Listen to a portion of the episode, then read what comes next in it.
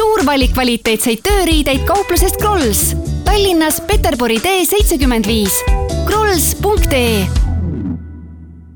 Kuku Raadios välja öeldud seisukohad ei pea ühtima Kuku Raadio seisukohtadega. Te kuulate Kuku Raadiot.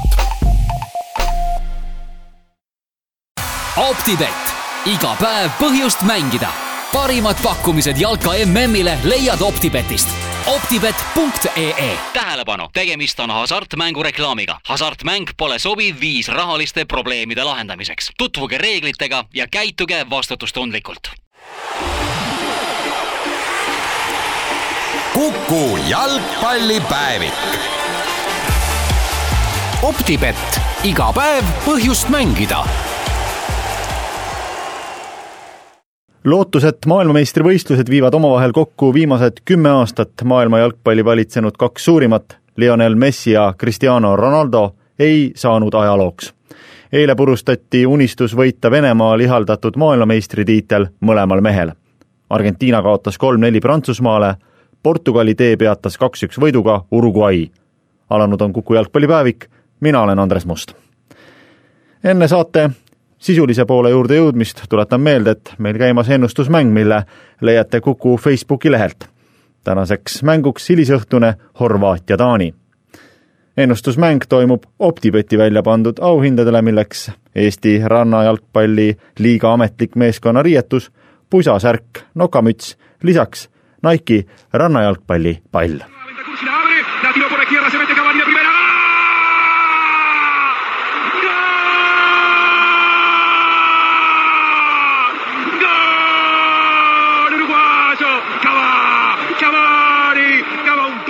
Kahtlemata oli eilse päeva suur kangelane Edison Cavani, Uruguay ründaja, kes Portugali vastu lõi kaks väravat ning kelle teisele tabamusele järgnenud Uruguay telekommentaatori reaktsiooni siin kuulsime.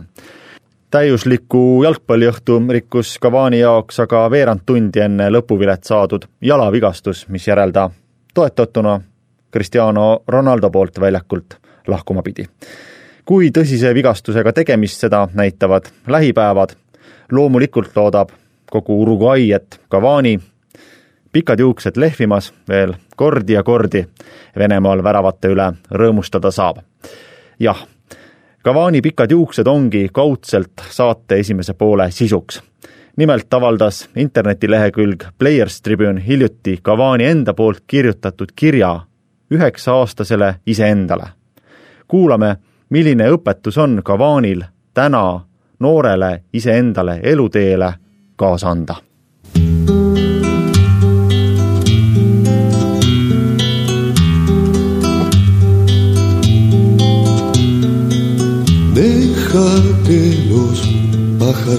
kallis üheksa-aastane Edison.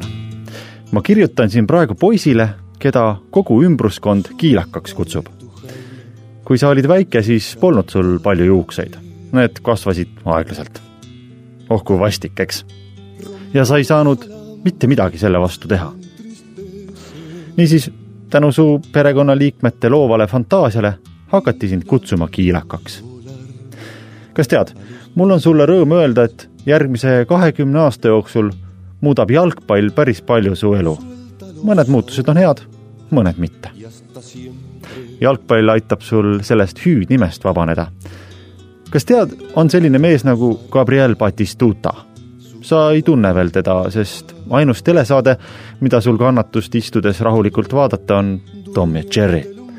su vanem vend Nando on esimene, kes Batistuta avastab, teda imetleb ja jäljendab. nüüdsest keeldub ta juuksurisse minemast, ta hakkab kasutama ema juuksehooldusvahendeid ja lõpuks näeb ta välja täpselt nagu Batistuta, Batigol. kui ta nüüd väljakule jookseb, pikad juuksed paelaga üle pea tõmmatud. oh, see on tõesti kõige lahedam asi, mida sa kunagi näinud oled. lõpuks võtad sa südame rindu ja ütled emale, ei mingit juuksurit enam. kogu oma aja veedad sa väljas, jalaga palli togides. see on Lõuna-Ameerika poisi igapäev sa ei oska midagi muud tahtagi. toas pole ju midagi huvitavat teha. Playstationit pole, telekast ei tule ka midagi huvitavat. Teil pole isegi duši kuuma veega. talvel pakuvad sooja vaid neli hubast tekki. kui soovid vanni minna, pead gaasipliidil eelnevalt kannus vee soojendama. ole ettevaatlik, et eh, vesi paras saaks, mitte liiga külm ega mitte liiga kuum. see kõik on sinu jaoks luksus. Kas mäletad oma esimest kodu, see, kus polnud eh, vannituba? iga kord pissile minnes pidid selleks minema maja taha väiksesse kempsu. kas ma võin sulle saladuse öelda? kui ma nüüd sellele tagantjärele mõtlen, siis pole mul mingeid halbu tundeid. mingil põhjusel täidab see mõte mu südame hoopis soojusega. see annab mulle julgust. see on üks väga ilus mälestus, nii et ära muretse tühiasjade pärast. hoia ikka pea püsti, kiilakas. Mis mõte on üldse kleepida seinale jalgpallipostreid? iga kahe või kolme aasta tagant, kui peres keegi töökohta vahetab, peate niikuinii uude kohta elama kolima. kuid kas tead, mis selle juures head on? igas uues kohas, ükskõik kus see ka asub, on alati võimalik väljas palli mängida. mitte keegi maailmas ei saa sulle seda keelata. kõige olulisem asi sinu elus praegu on, kui ma nüüd õigesti mäletan, jäätise värav. Jäätise saamise eesmärgis oli midagi maagilist. ma peaksin sellest Pariis Saint-Germainis rääkima. see on lihtsalt geniaalne, puhas motivatsioon. sellele mõttele tuli meie kodukoha Salto noorteorganisatsioon. mõtle korraks, kuidas hoida kõigi kuueaastaste jalgpalli mängivate poiste tuju üleval ka siis, kui nad parasjagu kaotusseisus on. nimelt tuleb teha reegel, et laps, kes lööb viimase värava, saab jäätise. Skoor võib olla kaheksa-üks see pole üldse oluline. see on võistlus ajaga, kes küll lööb selle viimase värava. jäätise värav, uh, uskumatu, milline rõõm. ja mõtle, kas see on äkki šokolaadijäätis hm.. sa oled kuningas kogu järgnevaks päevaks. jah, sa pole pealinna poiss, nemad elavad teistsuguses maailmas. see on maailm, mille olemasolugi sa veel ei tea. Adidase putsad, sõiduautod ja roheline muru Salto, sinu kodukoht on lihtsalt teistsugune. igat mängu alustatakse küll putsadest, kui, kuid mingil põhjusel võetakse need alati mängu ajal jalast. visatakse kõrvale ja mängitakse edasi paljajalu. kui ma nüüd silmad sulen, võiksin endiselt tunda mustust jalge all. ma tunnen, kuidas mu süda peksab, kuidas ma püüan palli väravasse lüüa, et see jäätis endale saada Need tunded kannavad sind terve elu, sest sa oled Lõuna-Ameerikast, oled Uruguayst, sa oled Saltost. seal on jalgpallil omamoodi tähendus. Uruguaylaste õnnistus ja needus on see, et me ei rahune kunagi. see on meie jalgpalli ajalugu ja meie riigi ajalugu. kui uruguaylased mõtlevad jalgpallile, siis nad tunnevad uhkust oma ajaloo üle. me peame alati liikuma edasi, edasi, edasi ja seda pead ka sina tegema millest sa küll unistasid, kiilakas? seda ma täpselt ei mäleta, aeg on teinud oma töö. kas sa unistasid mängimisest Montevideos nagu su vend Nando? et kui sa sellega hakkama saaksid, siis tunduks, et oled oma unistused täide viinud. või unistasid sa mängimisest Euroopas, mängida seal ning teenida oma perele raha, et muuta oma pere elu? või lootsid sa pääseda koguni koondisse? kas sinu unistus oli mängida maailmameistrivõistlustel. kas sinu unistus oli teenida palju raha, sõita ilusate autodega ning ööbida nooblites hotellides? tead, mis kiilakas, sa saad kõik need asjad. kuid ühte pean ma sulle ütlema, see kõik ei pruugi sind õnnelikuks teha. see, mis sinul on üheksasena, pole minul kolmekümne ühesena. jah, sul pole kuuma duši, sul pole dollarit taskus ja sul pole veel ägedaid juukseid aga sul on midagi muud, midagi sellist, millel pole hinda. sul on vabadus. vanemaks saades me püüame seda tunnet hoida, kuid see libiseb meie haardest välja. meil on liiga palju kohustusi, liiga palju pingeid. kui sa vaid teaksid, mis elu sa kolmekümne üheselt elad. sa lähed siis hotellist otse bussi, sealt otse treeningplatsile, siis jälle bussi ja sealt lennujaama, maandumise järel järgmisse bussi siis jälle staadionile. kui sageli on selline elu poiste unistus, kuid sellise unistuse täitumine tavaliselt vangistab su. sa ei saa enam lihtsalt välja minna, tunda rõõmu päiksest. sa ei saa oma putsasid lihtsalt jalast visata ja mängida paljajalu, oma jalad ära määrida. kõik see muudab su elu väga keeruliseks, aga see on paratamatu. lapsena arvad, et sellist elu elav jalgpallur on maailmas kõige edukam inimene. kuid kasvades suuremaks mõistad sa, kõige edukam on see, kellel on oskus ja tarkust elada. kui sul õnnestub saada elukutseliseks jalgpalluriks, siis saad kõik need asjad, millest sa kunagi unistada oskasid. ja selle eest peaksid sa olema väga-väga tänulik. aga ma pean sinuga aus olema, kiilakas. on vaid üks koht, üks hetk, kus sa siis saad endale veel täielikku vabadust lubada. kui sul on õnne, kestab see umbes üheksakümmend minutit. kui sa paned jalga putsad, ükskõik, kas sa mängid salto mustuses või rohelisel murul Naapolis miljonite inimeste silme all tahan, et mäletaksid isa sõnu. mida ta sulle enne mängu alati ütles? ma tean küll, et sa tead neid sõnu. ta ütles, kui sa astud üle muruplatsi valgete joonte väljakule, siis see on lihtsalt jalgpall ja mitte miski, mis jääb väljapoole neid valgeid jooni, ei saa sind enam aidata. kui sa nüüd kuulad neid sõnu ja usud neid tõepoolest oma hinges, siis mõnikord isegi siis, kui surve on tohutu ja mäng käib miljonite silme all, siis sa otse kui tunneksid oma jalgu ja tunneks, et sul polegi jalas putsasid. sa tunned jälle mustust oma jalge all, sa tunned, kuidas süda tahab rinnust välja hüpata. Ja sa tunned seda ka siis, kui mängid maailma kõige ihaldatuma karika nimel. ja siis mängi nii, nagu sa kunagi mängisid jäätise nimel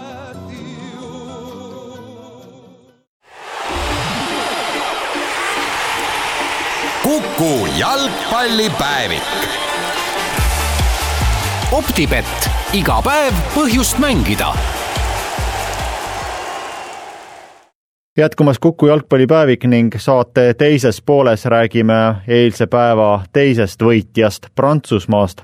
selleks olen helistanud Prantsuse ajakirjanikule Paul Picardilt ajakirjast SoFood. no sissejuhatuseks tahaks teada pärast eilset tähtsat võitu Argentiina üle, mis tunded täna prantslasi valitsevad uh,?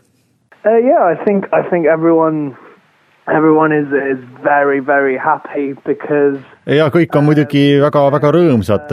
meil polnud tegelikult aimugi, kas võistkond suudab teha järgmise sammu pärast seda, mida olime näinud alagruppides. Ja peab tunnistama, et Prantsusmaa ei mänginud seal just kõige paremini.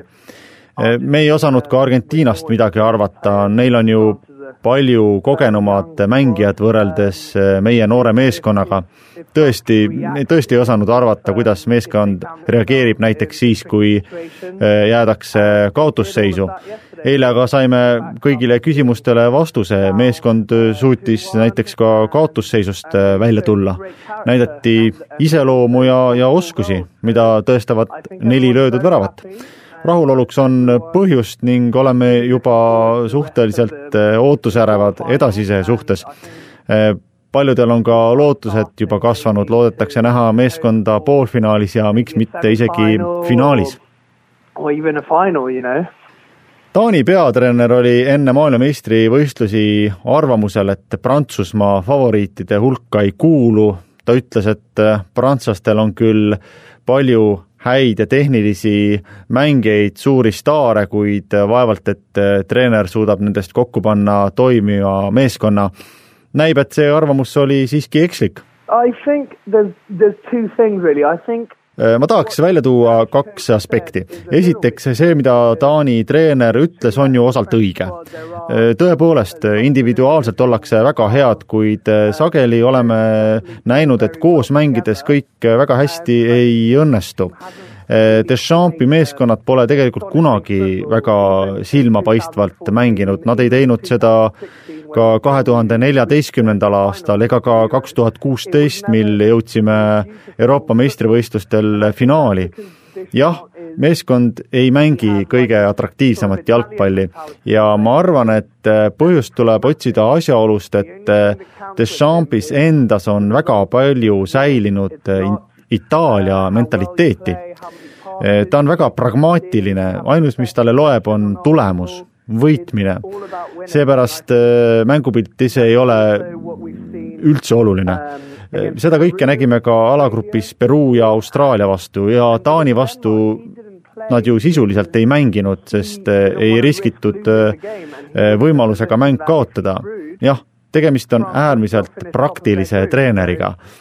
tõenäoliselt pole me küll kõige ilusamini mängiv võistkond turniiril, kuid äh, meil on üsna kindel kaitse ja püsib ka lootus, et ründeliin suudab edukas olla.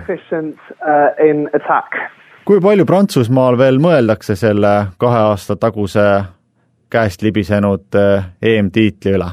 Um, yeah, nojah, eks ikka, kui oled juba oma kodus peetaval turniiril finaali jõudnud, siis jääb ikka selline tunne, et lasti käest hea võimalus. ma ei tahaks öelda, et Portugalil oli väga palju õnne, kuid nad tegid finaalis tõepoolest veatu mängu. ma teeks sellise pakkumise, et Prantsusmaa suudaks Portugali vastu võita kaheksa mängu kümnest. kui nüüd võrrelda Prantsuse koondise arengut Äh, nende kahe aasta jooksul, siis me oleme näinud, kuidas meeskonnaga on liitunud äh, väga paljud äh, noored talendid eesotsas muidugi Mbappega, kuid ka Lemar, Fakir, Dembele, Hernandez, kõik need on mängijad, kes veel kaks aastat tagasi koondisse ei kuulunud. Paradoks näib olevat vist selles, et meil on küll väga palju talenti, kuid puudub kogemus ja mine sa tea, kas see võib äkki saatuslikuks saada kuid äh, isegi meeskonna staarid nagu Griezmann ja Pogba ei ole veel kaugeltki kolmekümnesed, nagu näiteks Messi ja Ronaldo, ehk siis mängijad, kel on suutlikkust äh, meeskonda otsustaval hetkel ise vedama hakata. eks siis näha ole, kui otsustavaks äh, kogemuste puudumine suure turniiri võitmisel osutuda võib kust nüüd kõik need talendid pärit on, mis selle edu taga peitub? Well, I think there's been a, a, a uh, selle nimel on tehtud muidugi väga palju tööd ja paljuski ulatub see välja üheksakümnendatesse niinimetatud Prantsuse mudelisse, mis pani aluse tugevate ja tehniliste mängijate tekkele. Tänaseks on kriteeriumid mõnevõrra muutunud, pigem arendatakse individuaalseid oskusi ja nendele rõhutakse juba väga varases nooruses, mis annabki võimaluse noortel nagu Mbappe varakult esile kerkida. ja tema oskused annavad talle tegutsemiseks väga suure vabaduse. selline töö leiab aset kõikides jalgpalliklubides, jalgpallikoolides loomulikult peab selliste talentide nagu Mbappe sirgumisel kokku langema väga palju asjaolusid ja ausalt öeldes mulle näib, et tema puhul on need tõesti ka kokku langenud. You know?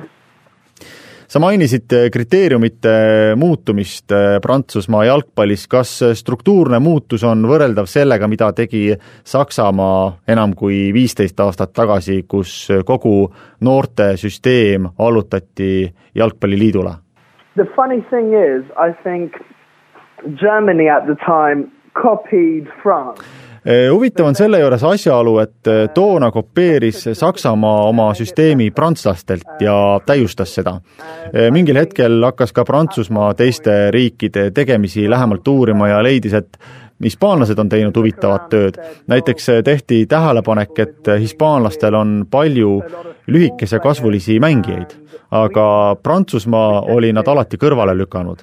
parim näide on Griezmann, kes pidi jalgpalluriks saamiseks kolima Hispaaniasse, kuna Lyon pidas teda lihtsalt liiga väikseks Prantsusmaa alaliit on juba öelnud, et äh, Griezmanni puhul tehti kindlasti viga.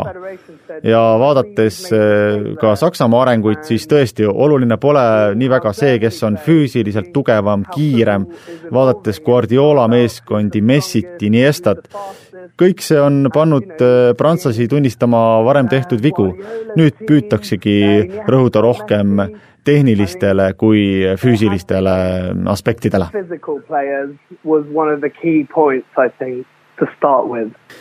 Prantsusmaa on nüüd tõepoolest veerandfinaalis ja reedel minnakse vastakuti Uruguay'ga. mis tulemusega Prantsuse fännid turniiri lõpus rahule jääksid? To be honest, I think because the fresh, the French press is very um, Äh, olles aus ning teades, kui karm võib äh, olla Prantsuse meedia, siis usun, et kui me ei jõua poolfinaali, siis oleks see küll suur pettumus. nii et jah, kindlasti peame jõudma vähemalt poolfinaali. suured tänud Prantsuse ajakirjanikule Paul Picardile. selline sai tänane jalgpallipäevik. Tuletan meelde, et äh, meil jätkumas ennustusmäng, mille leiate Kuku Facebooki lehelt. tänaseks mänguks hilisõhtune Horvaatia-Taani ning ennustusmäng, nagu ikka, toimub OpTibeti välja pandud auhindadele. ilusat õhtut! Kuku jalgpallipäevik optibett, iga päev põhjust mängida